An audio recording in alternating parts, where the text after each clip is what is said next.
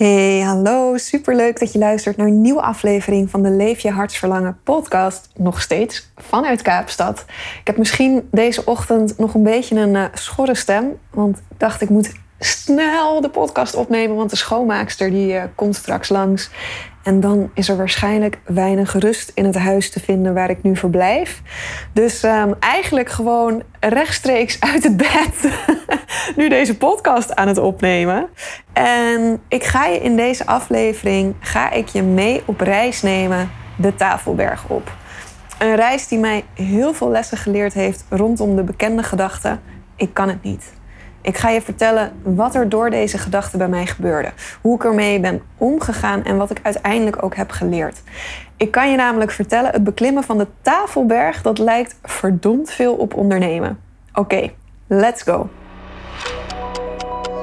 Welkom, dit is de Leef je hartsverlangen podcast. Ik ben Nanda van Aalst en ik neem je in deze podcast mee in praktische tips en inspirerende verhalen over hoe je meer purpose in jouw business en leven kan creëren.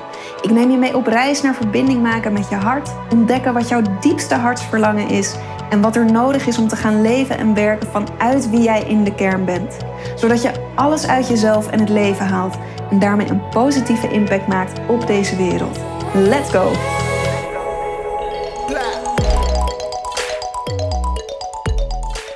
Ik neem je mee naar twee weken geleden toen ik samen met mijn vriend in Kaapstad de Tafelberg ging beklimmen.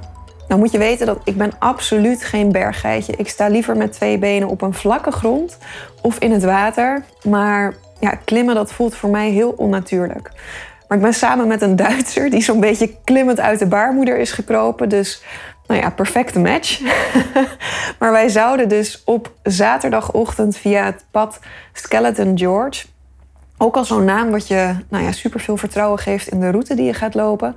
Maar wij zouden via Skeleton George de Tafelberg op. En dan vanaf daar nog ongeveer anderhalf uur lopen naar het kabelbaantje. Flinke tocht, ongeveer vijf uur in totaal. Een flinke berg. En ik was behoorlijk zenuwachtig voor die hike. Dat had ik toen we s ochtends opstonden, had ik dat nog niet zo heel erg door. Totdat ik ontdekte dat het die dag 35 graden zou worden. En toen ontstond er complete paniek in mijn hoofd. Ik was sowieso was ik bang voor de zwaarte van de hike en of ik het wel zou durven. Ik was bang voor de hitte. Ik was bang dat we misschien zouden verdwalen. Ik was bang dat mijn lichaam het in combinatie met de hitte conditioneel ook niet zou trekken.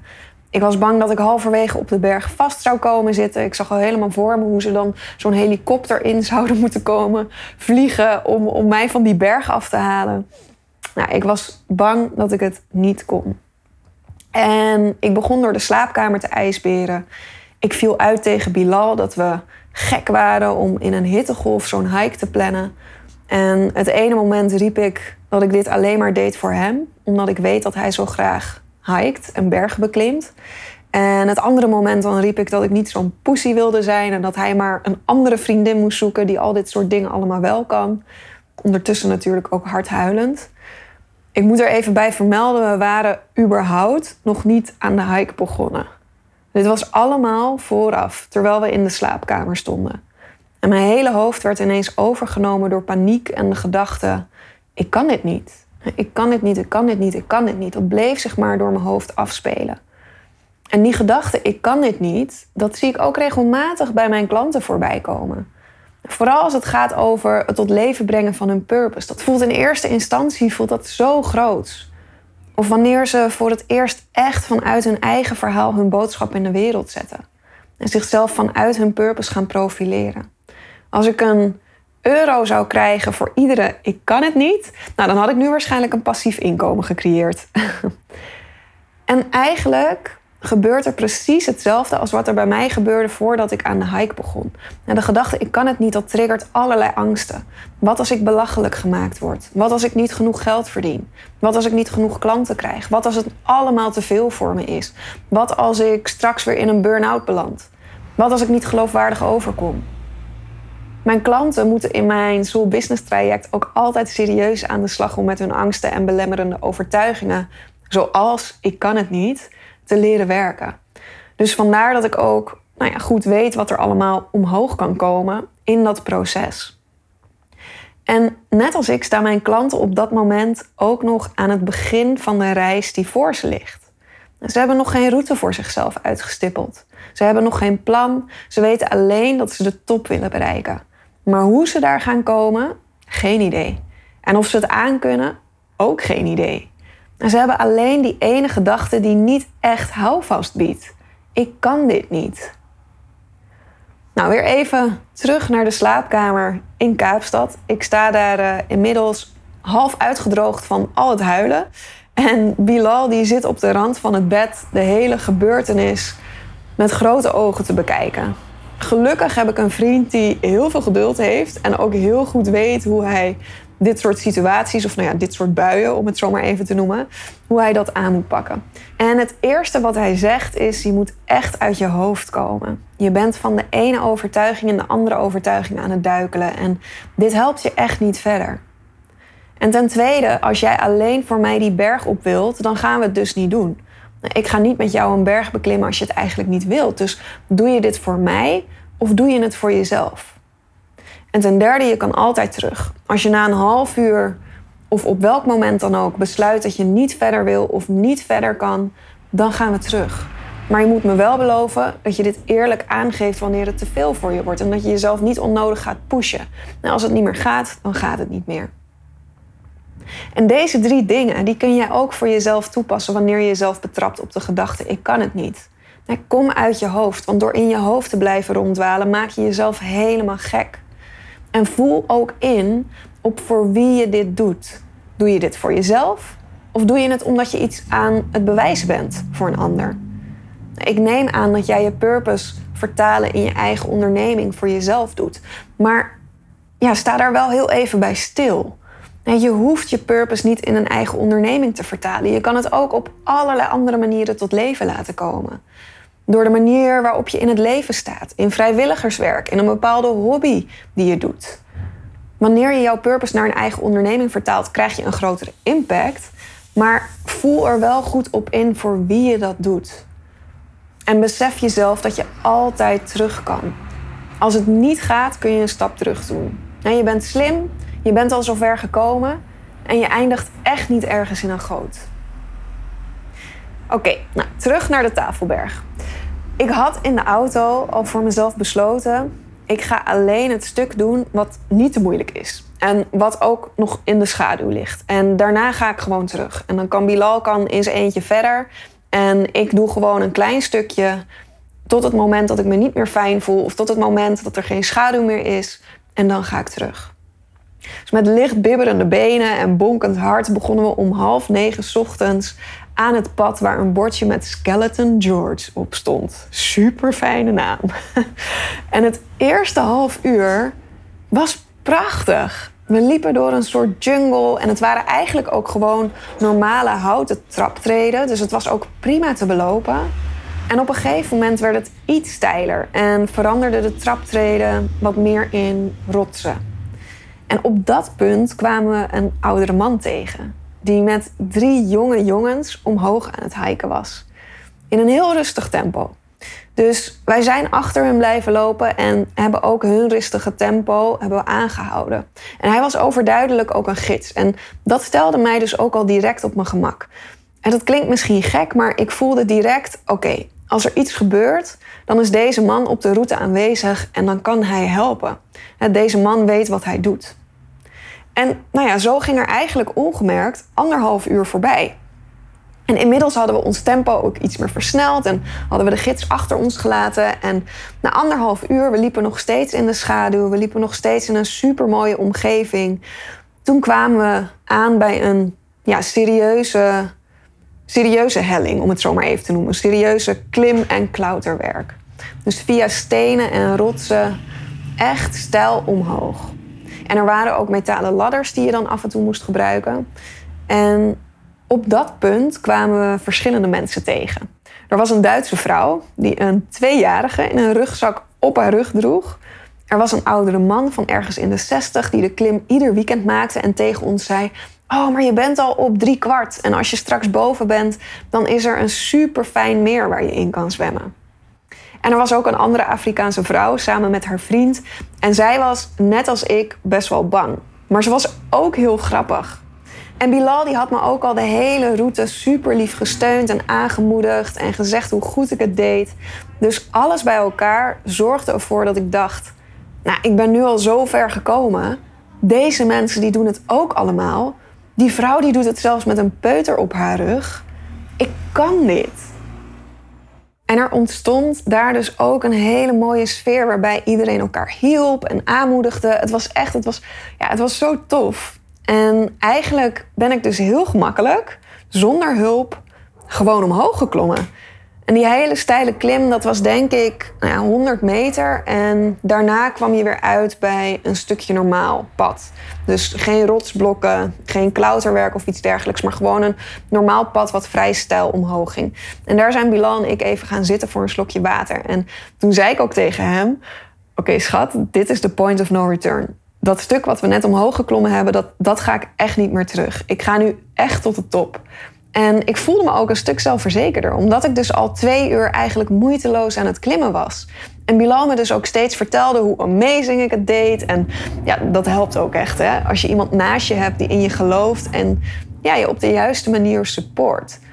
En Bilal had in dit geval dus even de rol van coach voor mij overgenomen. Nou, wat ik doe, meelopen op iemand zijn pad als een purpose partner, dat mocht ik nu zelf ontvangen. En we hebben ook iemand op die berg gezien, even een, uh, een zijspoortje. Maar ik zei tegen Bilal: Als jij zo tegen me had gesproken, dan weet je denk ik wel wat er gebeurd was. Dat was een koppel en de vrouw was heel bang. Ze had ook nou ja, niet zo'n goede conditie, dus ze ging heel langzaam. Maar ze ging wel omhoog. En haar vriend was veel sneller en ook totaal niet bang. En hij was haar met een waterfles omhoog aan het lokken. En nog een klein stukje. Kijk, hier ben ik. Kom je water maar halen. En dan was er bijna en dan klom hij snel weer een stukje verder omhoog. En hij zei ook dingen zoals: Come on, be a good girl. Stop whining. Stop complaining. Get your fat ass up. Letterlijk zijn woorden. Nou, dat hoef je bij mij niet te proberen. Maar goed, point of no return dus. Verder de tafelberg op. Nog steeds in de schaduw, omringd door prachtige bomen. Totdat we op een gegeven moment bij het stuk kwamen waar geen schaduw meer te vinden was. En rond die tijd was het 12 uur, dus de zon scheen ook op zijn felst.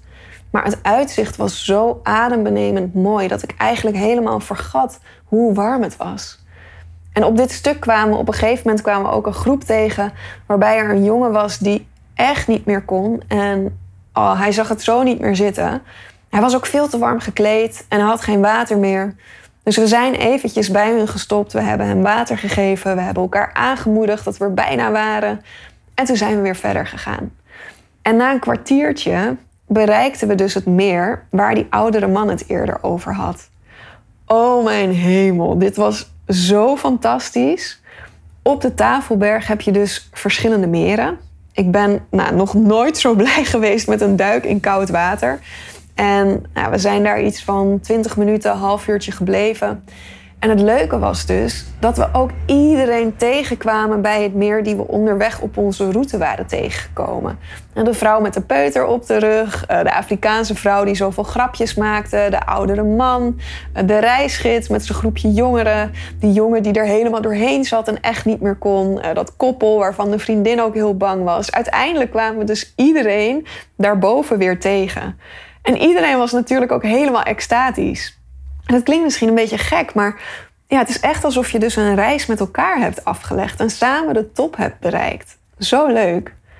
En ik heb toen ook, ik heb mijn kleding in het water gedompeld, zodat ik natte, koude kleding aan kon trekken. Want we hadden nog een tocht van anderhalf uur te maken en het meer was ook nog niet helemaal de top. Ik denk dat het nog een half uur duurde voordat we echt de top van de Tafelberg bereikten. Maar deze anderhalf uur was dus ook echt zonder schaduw. En vol in de zon en in de hitte. Maar dat meer, dat was perfect. En dat had ik dus vanuit mijn slaapkamer, had ik dat allemaal niet kunnen bedenken. Dat er een meer op de Tafelberg zou zijn waar je in af kan koelen. Het was echt op de perfecte plek. Het was op de perfecte timing, om het zo maar te zeggen. En daarna hebben we nog een kleine klim gedaan en toen stonden we dus echt helemaal bovenop de Tafelberg. Nou, ik was zo blij en ik was zo trots op mezelf. Ik had het gewoon gedaan en het ging supergoed. Alles waar ik vooraf zo bang voor was En die gedachte, ik kan het niet, dat is zoveel verspilde energie geweest. Ik kon het wel. En sterker nog, het ging eigenlijk allemaal best gemakkelijk. En met iedere stap die ik zette, voelde ik ook mijn zelfvertrouwen groeien. Maar als ik dus had geluisterd naar mijn angst, dan had ik dit nooit geweten.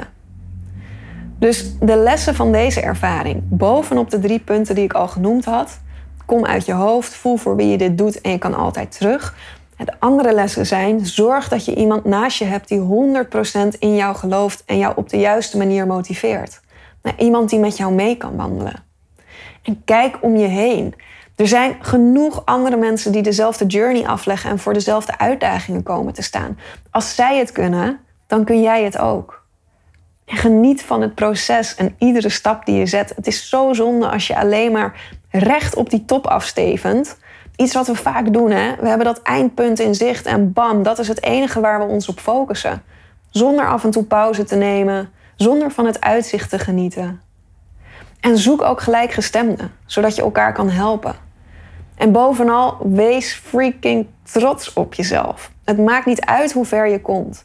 Alleen al het feit dat je het aangaat, is iets om trots op te zijn. En dat vond ik ook wel mooi, want Bilal die herinnerde mij daar tijdens de hele klim ook steeds aan. Nou, iedere keer gewoon heel even benoemen: Schat, je kan echt trots op jezelf zijn. Je doet het gewoon. En daar gaat het om. En gewoon gaan en doen. Dat is misschien nog wel de belangrijkste les van allemaal. Uit het hoofd komen en gewoon gaan doen. Want je weet pas of je iets kan of niet kan wanneer je het gaat proberen. En dat is eigenlijk ook wat ik altijd terugkoppel aan mijn klanten wanneer ze zeggen: Ik denk niet dat ik dit kan. Oké, hoe kom je erachter? Door het te gaan doen. En 9 van de 10 keer blijkt dat die gedachte dus totaal overbodig was. Ik heb met een klant samengewerkt en zij had best wat stappen te zetten in ja, geloven in zichzelf. Terwijl haar purpose was zo kristalhelder. En het klopte ook helemaal met wie zij was. En het enige wat ze eigenlijk hoefde te doen was ja, gewoon zichzelf zijn. Doen wat ze altijd al deed. En daar geld voor gaan vragen. Maar er zat bij haar een enorme drempel op geld vragen. De angst dat als ze dat eenmaal zou doen, ze ineens haar gave, om het zomaar even te noemen, dat ze ineens haar gave zou verliezen. En ze had ook allerlei horrorscenario's in haar hoofd over ontevreden klanten. En ja, ze was ervan overtuigd, ik kan het niet. En nu kun je natuurlijk, je kan allerlei oefeningen hierop loslaten. Je kan allerlei affirmaties opschrijven. Ook toen ik haar vroeg van, goh, hoe zou je hier overheen kunnen stappen? Wat is iets wat je nu zou kunnen doen? Toen was dit ook het, het eerste wat bij haar opkwam. Ja, iedere ochtend even affirmaties opschrijven. Dat is mooi en dat kan helpen. Maar dat zou een beetje hetzelfde geweest zijn als dat ik allerlei boekjes over hiken was gaan lezen.